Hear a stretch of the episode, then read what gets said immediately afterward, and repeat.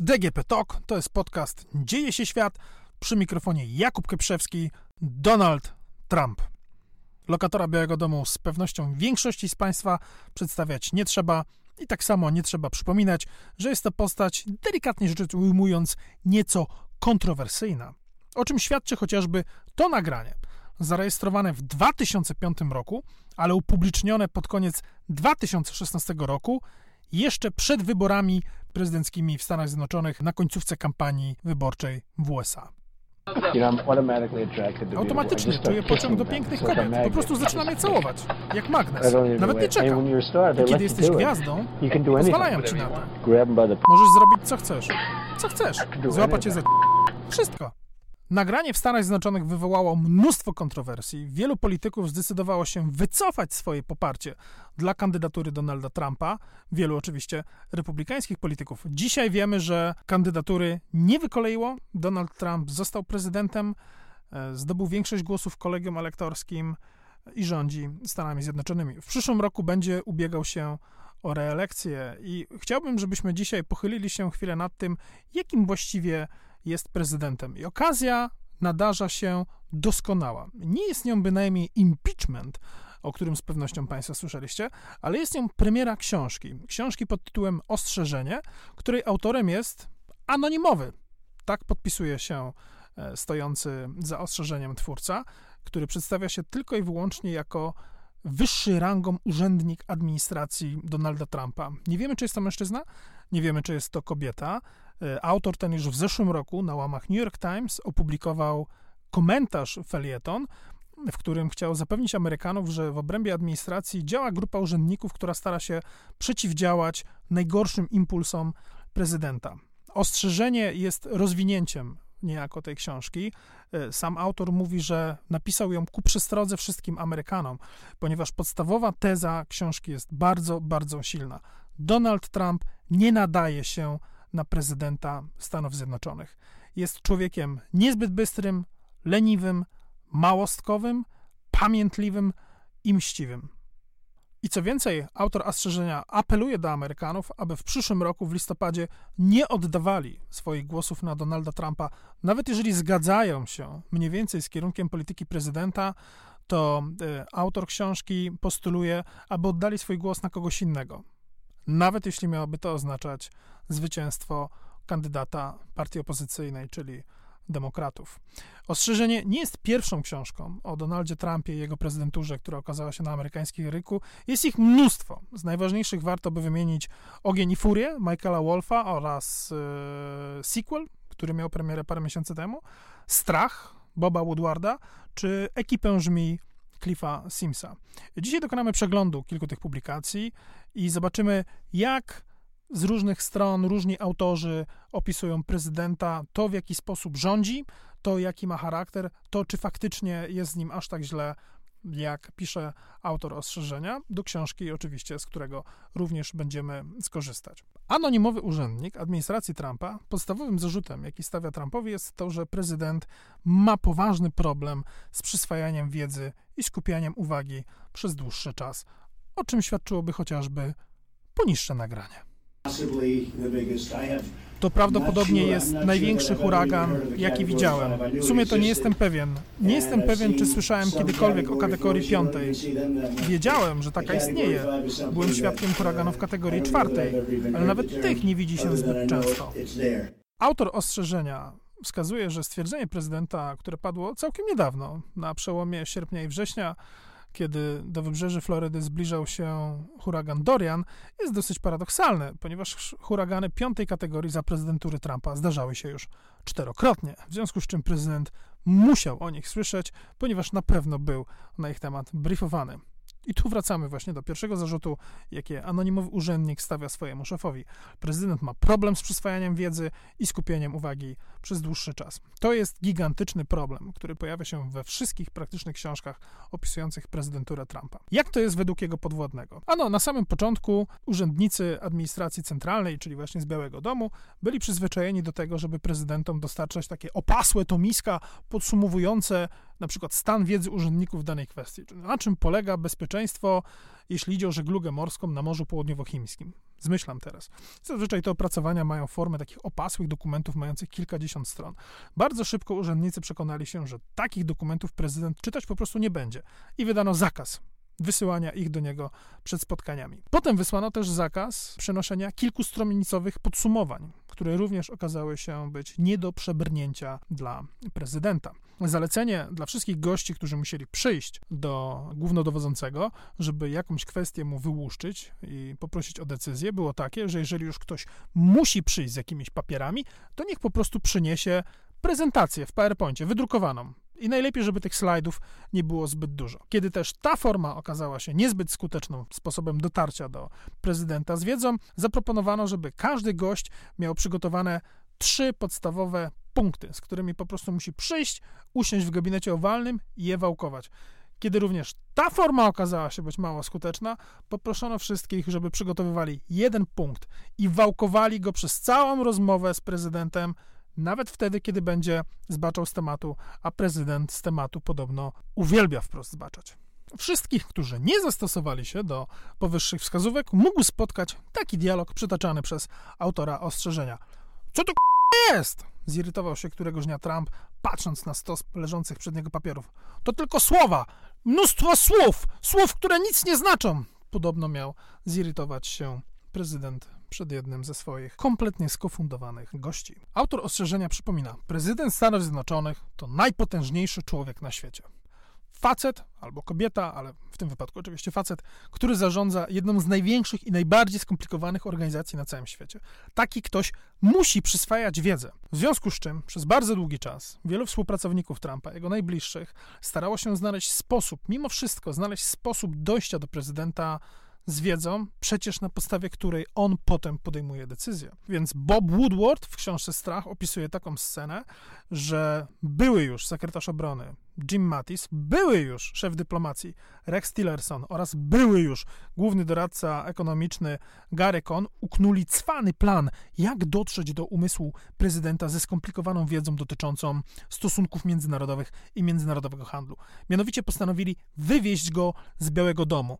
Biały Dom, zbyt dużo dystrakcji, wszędzie powieszane telewizory, prezydent łatwo się rozprasza, ktoś wchodzi, ktoś wychodzi, ludzie pukają, zawracają mu głowę. Ci stwierdzili, wywieziemy go, wsadzimy do limuzyny i wywieziemy do Pentagonu. Tam jest taki bardzo specjalny pokój zwany czołgiem, bez okien, bez żadnych telewizorów. To jest pokój, w którym odbywają się super tajne briefingi. I tak właśnie zrobili. Wsadzili prezydenta do limuzyny, czyli do bestii, pojechali do Pentagonu i tam uzbrojeni w mnóstwo slajdów starali się wyłożyć prezydentowi, jak funkcjonują relacje międzynarodowe, dlaczego nie może krzyczeć na sojuszników z NATO, dlaczego nie powinien nakładać ceł na sojuszników z Unii Europejskiej i różne tego typu rzeczy.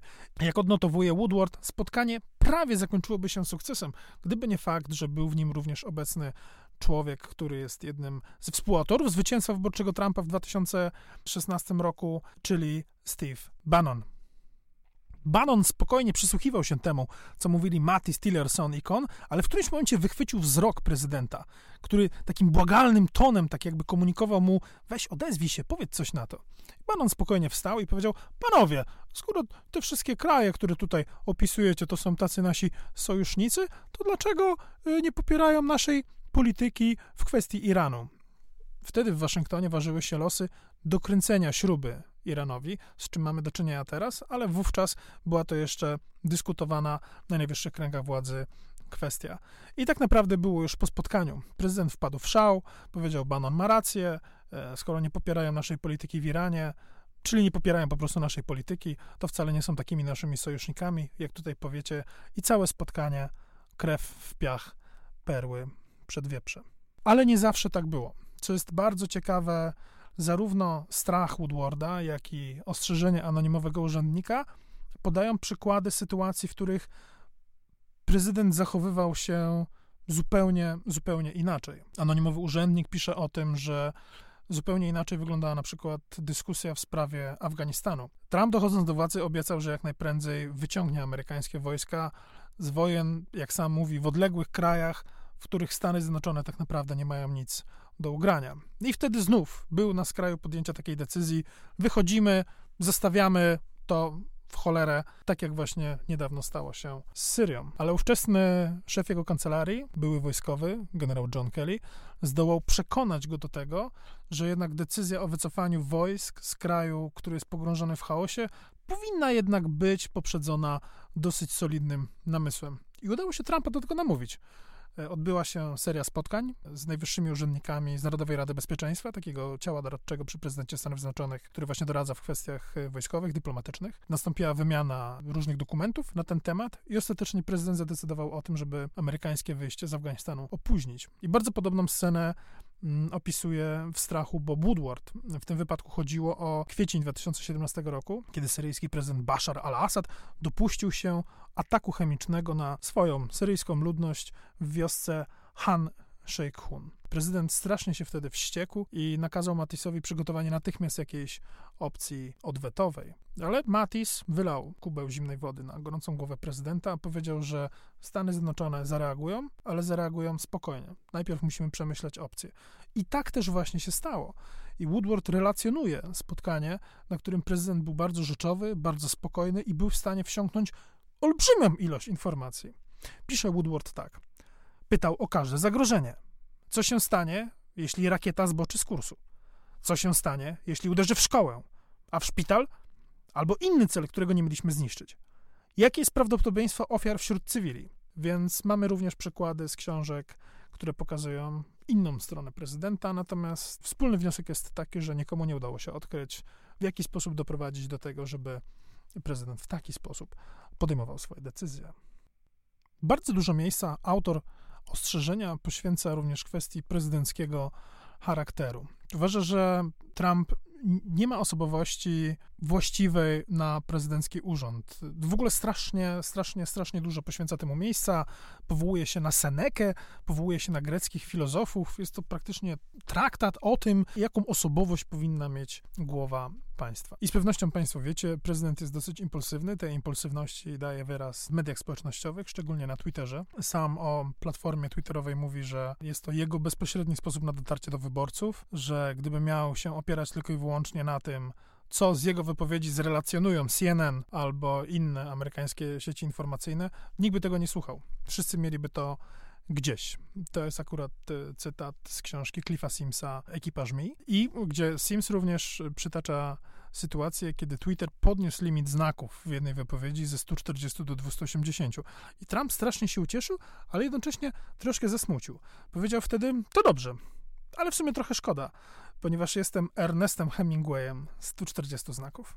Te oskarżenia pod adresem charakteru również tyczą się tego, w jaki sposób Trump wchodzi w relacje ze swoim otoczeniem. Problem polega na tym, że prezydent bardzo słabo znosi krytykę. W ten sposób praktycznie wszyscy autorzy piszący o jego prezydenturze tłumaczą fakt gigantycznej wprost ilości odejść z najbardziej kluczowych stanowisk w administracji. Przed chwilą mówiliśmy o tym, że prezydentowi specjalną prezentację w pomieszczeniu zwanym czołg przygotowali Mattis, e, Tillerson i Kohn. Żaden z tych e, ludzi już nie pracuje. Z Rexem Tillersonem pożegnał się prezydent e, sam i zastąpił go obecnym sekretarzem stanu Mike'em Pompeo. Gary Cohn sam złożył rezygnację. Rezygnację złożył również generał Jim Mattis, chociaż sam prezydent uważa, że to on go zwolnił, ponieważ kiedy Jim Mattis złożył rezygnację pod koniec ubiegłego roku, zaoferował prezydentowi, że zostanie tymczasowo na swoim stanowisku do końca lutego, ale prezydent wściekł się tak bardzo, że stwierdził, że wywali go dwa miesiące wcześniej. I później na zamkniętym spotkaniu z liderami Partii Demokratycznej u siebie w gabinecie owalnym, kiedy dyskutowali kwestie związane z budżetem Stanów Zjednoczonych, prezydent nazwał Jima Matisa, czyli swojego byłego podwodnego i byłego sekretarza obrony, człowieka, który cieszył się genialną opinią w kręgach wojskowych, nazwał go najbardziej przereklamowanym generałem w historii. Do czego Jim Mattis odniósł się na jednym z uroczystych obiadów organizowanych w Waszyngtonie. And before you, as was noted here, uh, really uh, having achieved greatness. Wydaje mi się, że osiągnąłem wielkość. Nie jestem po prostu przereklamowanym generałem. Jestem największym, najbardziej przereklamowanym generałem na świecie. And this is in no small part.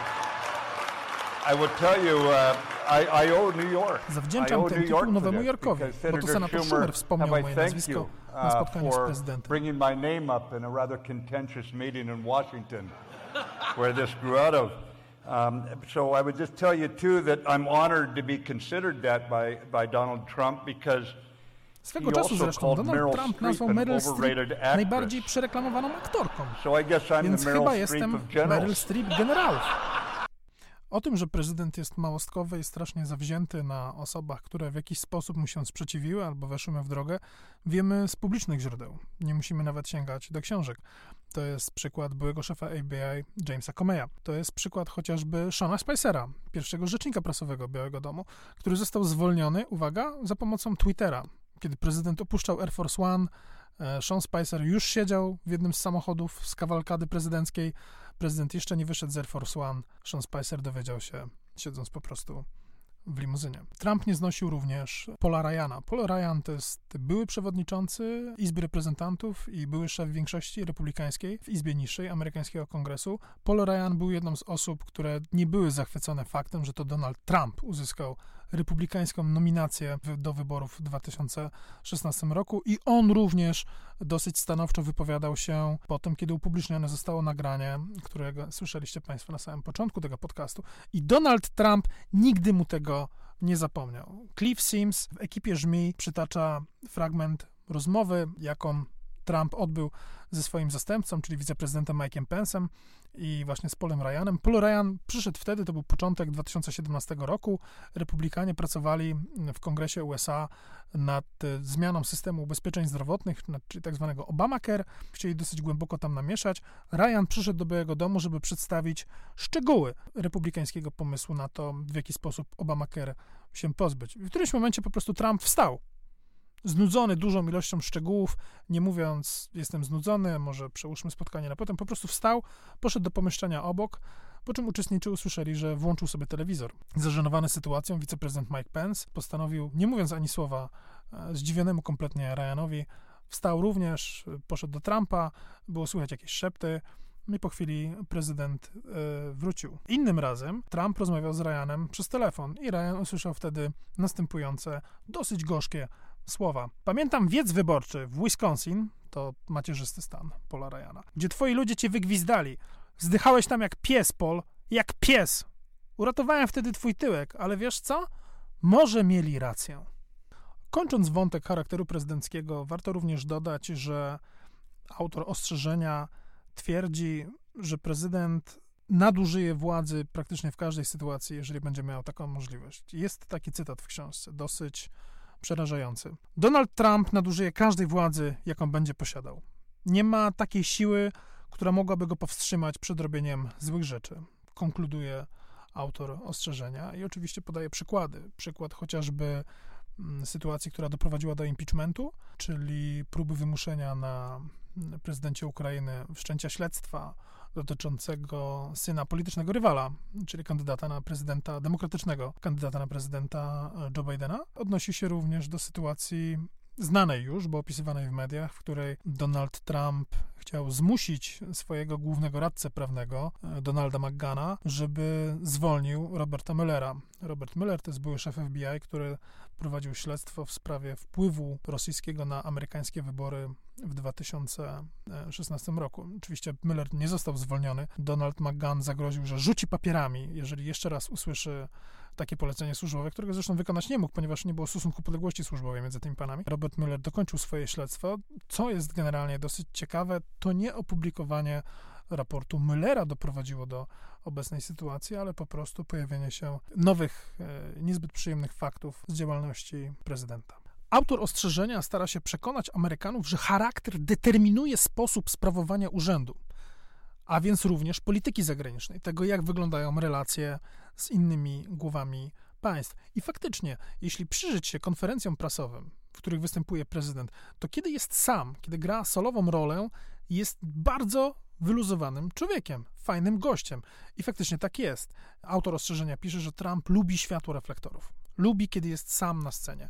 Fatalnie czuje się w sytuacji, kiedy na scenie sam nie jest, kiedy ma innych również aktorów, tak jak na przykład na międzynarodowych szczytach. I wiemy skądinąd, że pierwsze podróże zagraniczne Trumpa, a Trump po raz pierwszy wsiadł w samolot do Europy w maju 2017 roku, kiedy poleciał między innymi na szczyt G7, kończyły się fatalnie. Fatalnie również skończył się następny szczyt G7, w w Kanadzie, kiedy prezydent najpierw podpisał wspólną deklarację szefów rządów, głów najbardziej uprzemysłowionych państw na świecie, a potem z pokładu Air Force One na Twitterze zamieścił wpis, z którego wynikało, że nie popiera tej deklaracji. I kilka ciekawych rzeczy z tego właśnie szczytu G7 e, zamieszcza autor ostrzeżenia. Mianowicie fragment rozmowy z premierem Japonii Shinzo Abe, podczas której Trump wyrzuca swojemu japońskiemu odpowiednikowi, że on nie musi borykać się z problemem nielegalnej migracji, że nie ma problemu nielegalnej migracji w kraju kwitnącej wiśni. I cytat brzmi następująco: Mogę ci zaraz wysłać